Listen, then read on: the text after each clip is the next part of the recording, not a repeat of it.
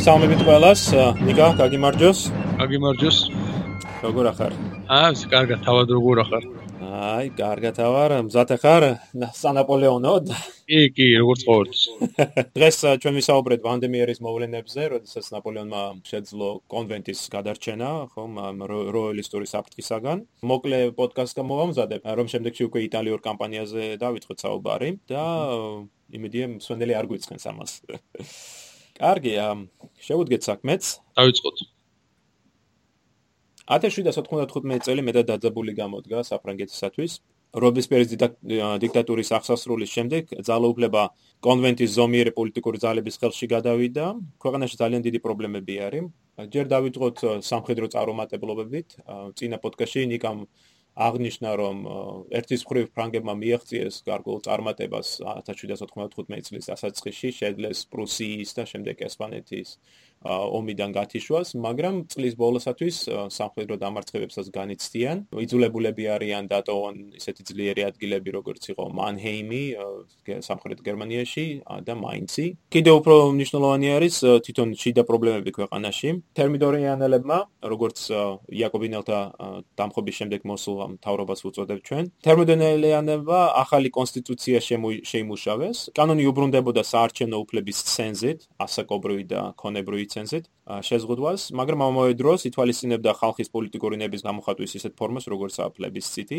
უახლოესი რევოლუციური წარსულის გამოცდილებიდან გამომდინარე, განსაკუთრებით სანკულოტების ძალადობისა და იაკობინელთა ტერორის გათვალისწინებით, კონსტიტუცია პირველად საუბრობდა არა მხოლოდ მოქალაქეთა უფლებებზე, არამედ მათ ვალდებულებებზე და განსაზღვრავდა ისეთ ვალდებულებებს, როგორც იყო კანონის პატივისცემას და საკუთრების ხელშეუხებლობას. კონსტიტუციის თანახმად საკანონმდებლო ორგანო ორპალატიანი იყო და შედგებოდა უხუცესთა საბჭოსაგან და ხუთასთა საბჭოსაგან. აღმასრულებელი ხულისოფლება კი კონცენტრირებული იყო ხუთკაციან დირექტორის ხელში, რომელსაც საკანონმდებლო ორგანოს ზედა პალატა, ანუ უხუცესთა საბჭო ირჩევდა. მაგრამ კონსტიტუციის შექმნის და მომავალი არჩევნების მზადების პროცესში თერმიდორნელიანებმა დაინახეს თუ როგორი მძიმე მდგომარეობა იყო ქვეყანაში და რომ მომოვალ არჩევნებში წარმატების მეტად მცირე შანსები ჰქონდათ მათ. ამასთან ბევრს ახსოვდა თუ რაუდენ საბედისწერო იყო პირველი მოწვევის ნაციონალური ასამბლეის წევრების გადაწყვეტილება არ ეყარა კენჭი 1791 წლის წრულს, როდესაც ახალი კონსტიტუცია შეიმუშავეს და ახალი საკონდებლო ორგანო შექმნეს, ხომ? სწორედ ამ ამ გადაწყვეტილების შედეგად შემდეგი მოწვევის პარლამენტში ძალოფლებაში მოვიდნენ უფრო რადიკალურად განწყობილი დეპუტატები.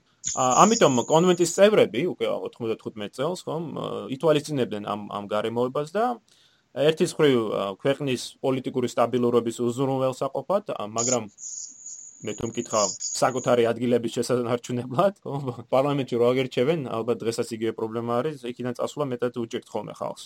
კონვენტის წევრებმა არჩევნებამდე ცოტა ხნით ადრე მიიღეს მეტად საინტერესო კანონი, რომელსაც დღეს ჩვენ ვუწოდებთ 2/13-ის კანონს. და ამ კანონის მიხედვით პირდაპირ არჩევნებში მოვალი პარლამენტის, ხო, მომავალი უხუცესთა და ხუთასთა საბჭოს, მხოლოდ 1/13 უნდა არჩეულიყო, ხოლო დანარჩენი 2/13 არსებული თერმიდორული კონვენტის წევრებისგან შეიქმნებოდა. ან ფაქტობრივად თავის თავს უყარეს კენჭი, ხო, და აირჩიეს ერთმანეთს. კანონმა ქვეყანაში დიდი მღელვარება გამოიწვია.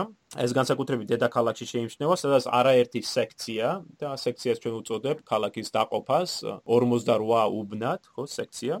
და ამ ამ კანონის წინამდე არაერთი სექცია გამოვიდა. ამავე დროს აღსანიშნავია, რომ ეს დემონსტრაცია დემონსტრაციები ქვეყანაში არსებული ვითარებითაც იყო გამოწვეული.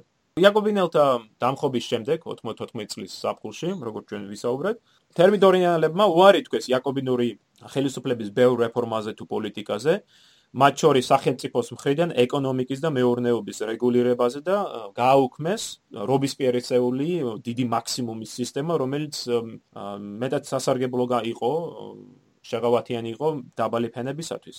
შედეგად კიდევ უფრო დამძიმდა ქვეყნის ეკონომიკური მდგომარეობა. პურის ფასი მკვეთრად გაიზარდა, ფრანგული ფული ასინიათ საბოლოოდ გაუფასურდა.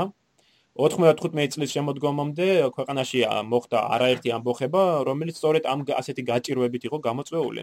თერმიდორიანელთა ხელისუფლებას სხვადასხვა მხრიდან უტევდნენ. ერთის მხრივ მისი პოლიტიკით უკმაყოფილო იყვნენ მემარცხენე პოლიტიკური ძალები, რომლებიც მოიცავდნენ როგორც ყოფილ იაკობინელებს, ასე კიდევ უფრო რადიკალურად განწყობილ რევოლუციონერებს, მათ ადრე ებერტისტებს უწოდებდნენ ზოგს სხვა შორის ნაგიჟრებს ხო ენღაჟე.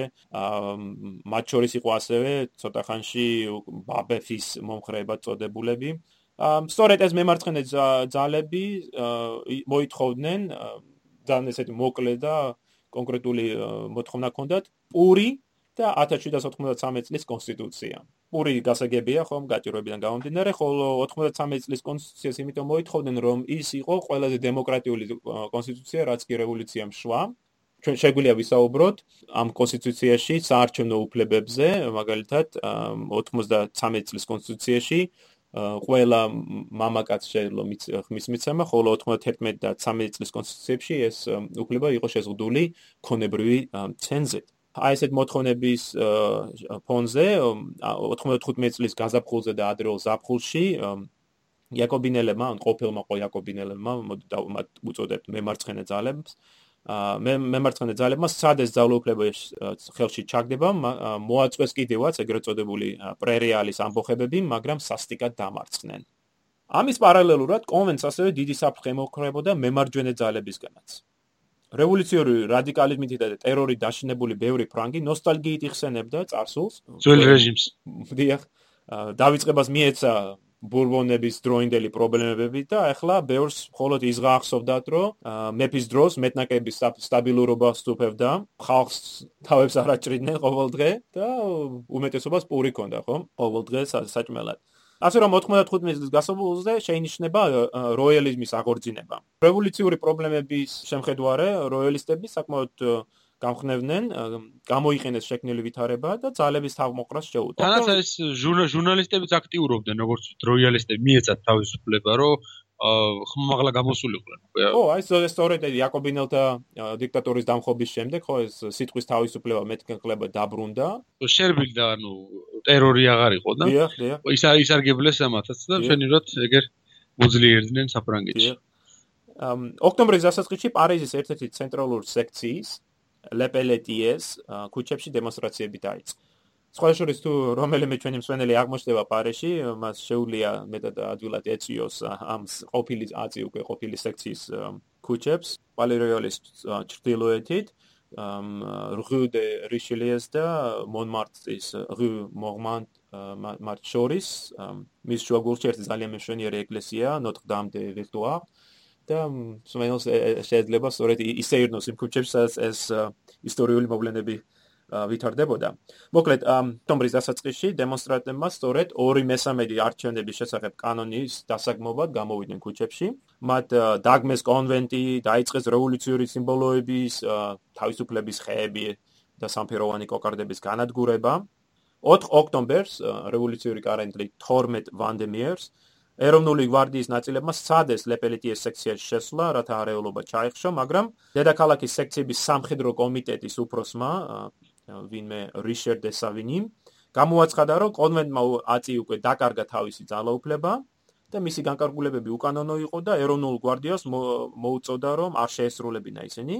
და მართლაც ეროვნული გვარდიის ზოგიერთმა ქვედანაყოფმა ამბოხებულებს დაუჭირა მხარი და მათ სათავეში როიალისტურად განწყობილი გენერალი დანიკანი ჩაუდგა. კონვენტი ამ უკვე მიხვდა თუ რამძიმე საფრთხის წინაშე იყო.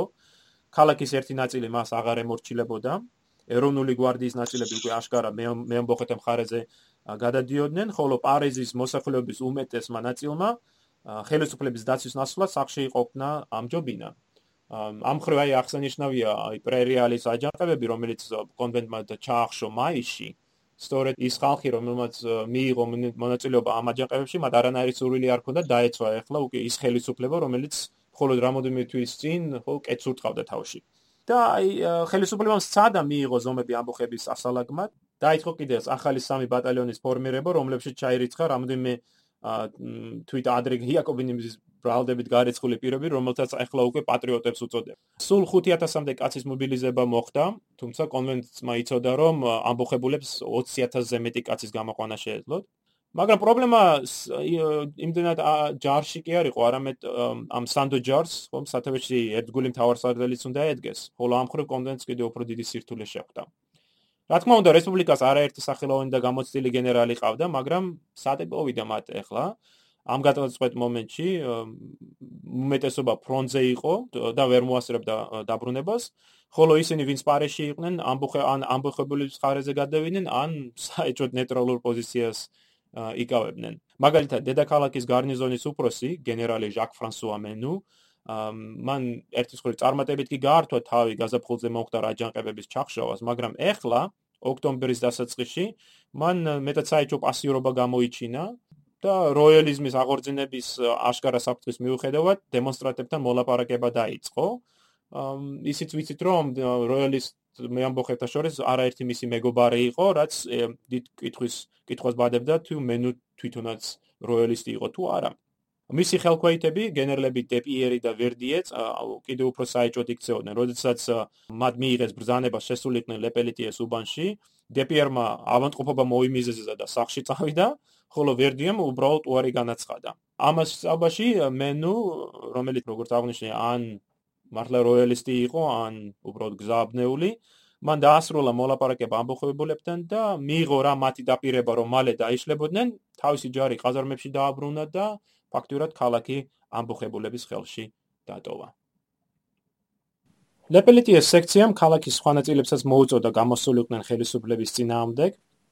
12 ვანდიმიერის, ანუ 4 ოქტომბრის გვიან საღამოს გენერალი მენუ მიხვდა, რომ ამბოხებულები არაპირებდნენ დაშლას და სცადა მათზე იერეშის მიტანა, მაგრამ აწი უკვე გვიან იყო. მართალია მისმა შეტევამ შეძლო ამბოხებულთა ერთი ნაწილის უკუქცევა. კომენტის თვალში მენუს საქციელი მეტად უსუსური და საეჭვო იყო და ის გადაყენებული იქნა. მის ნაცვლად პატრიოტთა ძალებს სათავეში ჩაუდგა პოლ ბარასი. ბარასმა მეტად საინტერესო გზა განვლო. წარმოშობით თავადაზნაურული ოჯახიდან იყო, დაიბადა ფუამპუას რეგიონში, დღეს ეს ვარის დეპარტამენტია, სხვა შორის ტულონის ირგვლივ მდებარე რეგიონებს მოიცავს. და როგორც ეს ბევრ სხვა ფრანგ თავდაზნურს შეუდა სამხედრო კარიერა 16 წლის ასაკში დაიწყო. ინდოეთში იმსახურო რამოდენიმე წელი იბრძოდა ბრიტანელების წინააღმდეგ, ტყვედ ჩავარდა, მაგრამ მალევე გაათავისუფლეს. კლავ განაგრძო ბრძოლა ბრიტანელების წინააღმდეგ, ამჯერად უკვე სახელგანთმული ფრანგი ადმირალის სუფრენის საზღვაო ესკადრაში. შემდეგ სახში დაბრუნდა და რევოლუციამდე დიდად არაფრით გამოუჩენია თავი. არც რევოლუციის პირველ 2 წლის განმავლობაში აქტიურობს. 92 წლისათვის ქალაქ ორლეანში სასამართლოში მუშაობს.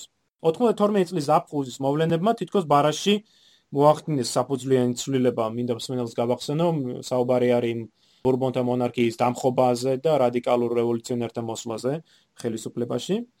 და ბარასშიც თითქოს ამ მოვლენებმა დიდი ცვლილება შეიტანეს და ყოფილი აზნაური უკვე რადიკალ რევოლუციონერად გვევლინება. ჯერ ფრანგულ ჯარში კომისრად დაიწყო მუშაობა, შემდეგ ვარის დეპარტამენტიდან აირჩიეს დეპუტატად ეროვნულ კონვენტში, სადაც მან მეფის სიკვდილით დასჯას დაუჭირა მხარი. 1793 წელს არაერთხელ გაიგზავნა პროვინციებში კონვენტის წარმომადგენლად. ამ ხრივ აღსანიშნავია მისი მივლენება ქალაქ ტულონში, რომლის ალყის დროს ბარასმა გაიცნო ახალგაზრდა ბუანაპარტე, საკმაოდ კარგი აზრისა დარჩა მასზე. და შემდეგ პარიზში დაბრუნებულმა ბარასმა 94 წლის ზაფხულს ზაფხულში აქტიური მონაწილეობა მიიღო იაკობინელთა ხელისუფლების დამხობაში, სწორედ ის იყო ერთ-ერთი წინამძღოლი რობისპიერის და საზოგადოებრივი უსაფრთხოების კომიტეტის წინამდებ მოწყობილ აჯანყების დროს და თერმო თერმო თერმიდორიანთა რეაქციის ერთ-ერთ წაყვან პოლიტიკურ ფიგურად მოგვევლინა. თანამედროვეთა თვალში ბარასი მრავალი ბიწიერების თუ ქვენაგრძნობათა განსახიერებას წარმოადგენდა. მას უპრინციპებას, ცბიერებას, ავანტურიზმს აბრალებდნენ. იმასაც ამბობდნენ, რომ თავისი განყიდველობით სხვა თერმიდორიანელებს აჭარბებდა, რაც ამ ხალხის პიროვნებების გათვალისწინებით არც თუ ისე ადვილი საქმეც იყო. მაგრამ იგი არასოდეს ყოფილა ლაჩარი. პირიქით. ყველაზე ყველაფერზე ზედმოთქმულთან ერთად ის იყო ძალიან ჭკვიანი, ენერგიული, გამჭრიახე ადამიანი, რომლისთვისაც აშკარა იყო, რომ ვანდემიერის ამბოხების წარმატება როიალიზმის დაბრუნებას გულისხმობდა, რაც რევოლუციის წარმატების დასასრულს ნიშნავდა და რაც უფრო მნიშვნელოვანია მისი წარსულის გათვალისწინებით, ან უეჭველ გადასახლებას, ან ეშაპოძე ასვლას, რომ მან ხოლმე მეფის პირ დასჯას დაუჭირა მხარი. იმასაც ხვდებოდა ბარასი რომ მას საკმარისი სამხედრო გამოცდილება არ გააჩნდა რათა ასეთ რთულ ვითარებაში წარმატებით ემოქმედა მას სასტრაფოდ ესაჭირებოდა გენერალი, რომელიც იქნებოდა სანდოც და ნიჭიერიც და შეძლებდა დარჩენილ მცირე დროში სასწაული მოეხდინა და ამბოხება ჩაეხშო.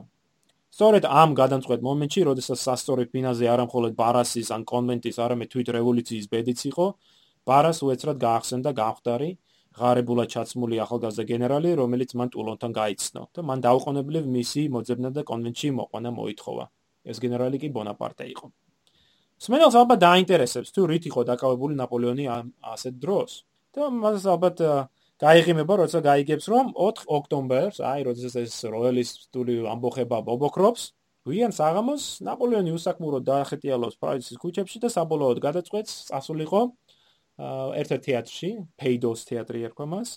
და გაეტარებინა ძალიან მშვენიერი საღამოს, საღამო ბერნარდ სორინი, ერთ-ერთი ცნობილი წერალი იყო ამ დროს პიესის ბევერლის დადგმას დადგმაზე. სწორედ აქ დადგმის მოსმენისას მან შეიტყო რომ მას ეძებდნენ კონვენტის წარმომადგენლები და გაეშურა კიდევაც ბარასთან შესახვედრად. აქცენტი გავაკეთო სხვა რამეზე. ჩვენ წინა პოდკასტში აღვნიშნეთ რომ იაკობინელთა დამხობის შემდეგ ნაპოლეონი უმუშევრად დარჩა, ჯარში კი ირიცხება, მაგრამ 139-ია ხო მსიაში. ერთი პერიოდი საერთოდ არაფრით არის დაკავებული, სტაუზობი ვანდიაში წასულიყო საბრძოლველად და უარს აცხადებს. თორე ამ პერიოდში ნაპოლეონი სერიოზულად ფიქრობს წასულიყო საფრანგეთთან საერთოდ და წერს მაგალითად რუსულ კონსულს მისწერა და შესთავაზე თავისი გამოცდილება გაეზირებინა რუსულ ჯარში. უარი მიიღო. სხვა შორის შემდგომში ეს რუსულ რუსულმა კონსულმა ამ რუსმა კონსულმა დაწერა მოკლე მოგონებები ამ შემთხვევაზე და ნანობდა თავის გადაწყვეტილებას. ამის შემდეგ ნაპოლეონმა მიწერა სხვა შორის ბრიტანელებს სურდა წასულიყო ინდოეთში და ემსახურა ბრიტანული ინდოეთის კომპანიის ჯარში ამაზეც უარი მიიღო. ბოლოს მიწერა თურქებს ოსმალეთის ხელისუფლებას და შესთავაზა წასულიყო როგორც ის წერს ერთ-ერთ წერილში, მას სურს ოფიციალური მისიით წასულიყო ისტანბულში და თან წამოეყვანა 6 ან 7 ოფიცერი, რომლებიც ეს ნაპოლეონის სიტყვებია, თითოეული მათგანი იქნება რომ კონკრეტული სამხედრო ნაწილის ექსპერტი და გაუზიარებს თავის გამოცდილებას თურქებს, რათა შექმნას უფრო ძლიერი თურქული ჯარი.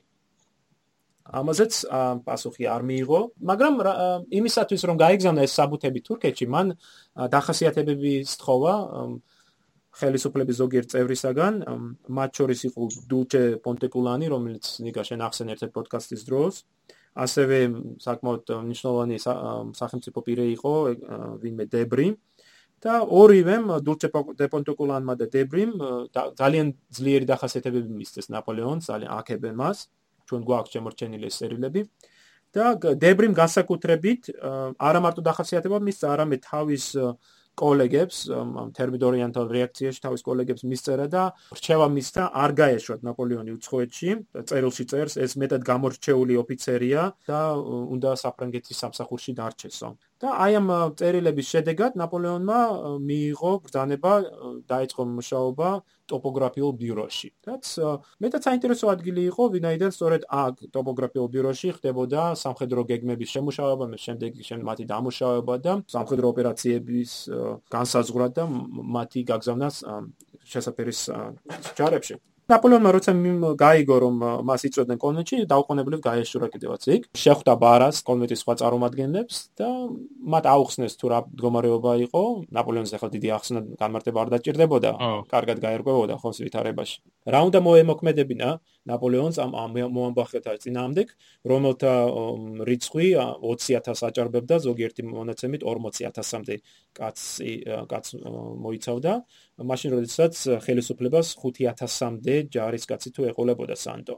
პოლონმა დაიწყო მაშინვე თქვა მოქმედება ურჩია პირველ რიგში ბარას რომ артиლერია გამოეყენებინა საერთოდ აი მან კარგად იცოდა რომ ქუჩის ბრძოლების დროს ესეთი ვიწრო ქუჩები როცა და პატარა სივრცეა საერთოდ სამოქმედო და ხალხის დიდი მასები მოძრაობს ზარბაზანს განსაკუთრებული ძალა აქვს ამ დროს და შეუძლია დიდი მსხვერპლი გამოიწვიოს. შესაბამისად ურჩია რომ артиლერია რომელიც პარიში საბლონის ბანაკში იყო ეს საბნონის საარტილერიო პარკში არტილერია, იქიდან წამოეღოთ ეს ზარბაზნები და მართლაც იმ ბანაკში 40 ზარბაზანი იყო და მეთვალყურეობდა სულ რაღაც 100 კაცი და მიურატის გაგზავნა გადაწყვიტეს ამ დავალების შესასრულებლად. აბა პირველი პირველად არის როდესაც მიურატი ჩდება ნაპოლეონთან ერთად ვთქვათ სამხედრო კამპანიაში, კამპანიაში ანუ არაბა კამპანია არ ქვია ამას ამ ყველაფერს, მაგრამ ყოველ შემთხვევაში პირველად იძვიან ისინი ერთად გვერდი გვერდ.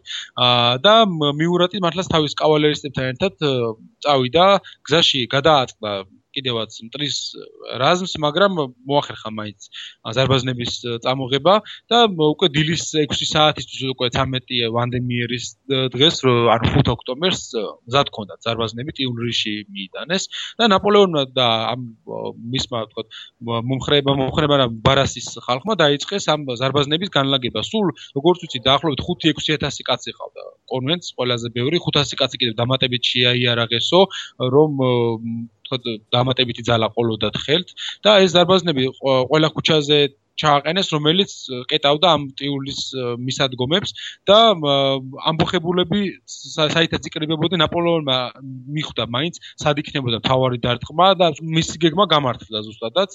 შევახსენოთ რომ ტიულერის სასახლე შემდგომში განადგურდა 1871 წელს დაიწვა ხო კომუნის აჯანყების დროს დღეს ის აღარ არსებობს მაგრამ მის ნაცვლად არის ძალიან ლამაზი ტიულერის ბაღი რომელიც ლუვრს ესაზღვრება, ხომ? და თუ ვინმე არის ნამყოფი პარიში ან აპირებს წასვლას, შეუძლია ეწვიოს ამ ტიულერის ბაღს და წარმოიდგინოს ეს განლაგება ქვემეხების სწორედ ამ ბაღის ირგვლივ და ბაღთან მიმდებარე ქუჩებში. და ერთ-ერთი ქუჩა, რომელიც აერთებს ბაღს რუ სენ ონორესთან, არის გამოვალი ეკლესიასთან, რომელიც სენ როხის ეკლესიას უწოდებენ, ხო? კი, სენ როხის ეკლესია. აა და ნუ როცა დაიწყო უკვე დაბნეულ ნაპოლეონ თვითონაც სხვადასხვა აქვს ამის შესახებ. ნაპოლეონსაც ჩანაწერები და წერს ის რომ ეს კონვენტის ძალიან დაბნეულობა იყო კონვენტის ძალებს შორის ზოგი სხვადასხვა აზრისანი იყვნენ ყველანი ერთსულოვნება არ სუფევდა ამ ბანაკში მაგრამ მიუხედავად ამისა ბოლო ბოლო როცა ამოხებულებმა დაიწყე შეტევა ესენი ძულებულები გახდნენ ყველანი როგორც ჩართულიყვნენ ამ ბრძოლაში. გადამწყვეტი როლი მაინც ითამაშა ნაპოლეონის გეგმამ ანუ ზარბაზნების გამოყენებამ. და დაიწყეს როცა შეტევა დაიწყო ეს აღნიშნო მნიშვნელოვანი არის რომ ეს არის პირველად ევროპის ისტორია ამ ამ პერიოდის ისტორიაში სხვა შორის რომ ზარბაზნები ამოდენობით და ასე იყო გამოყენებული ამბოხებულების წინააღმდეგ, როდესაც ცეცხლი არის უშუალოდ გახსნილი ხალხის წინააღმდეგ.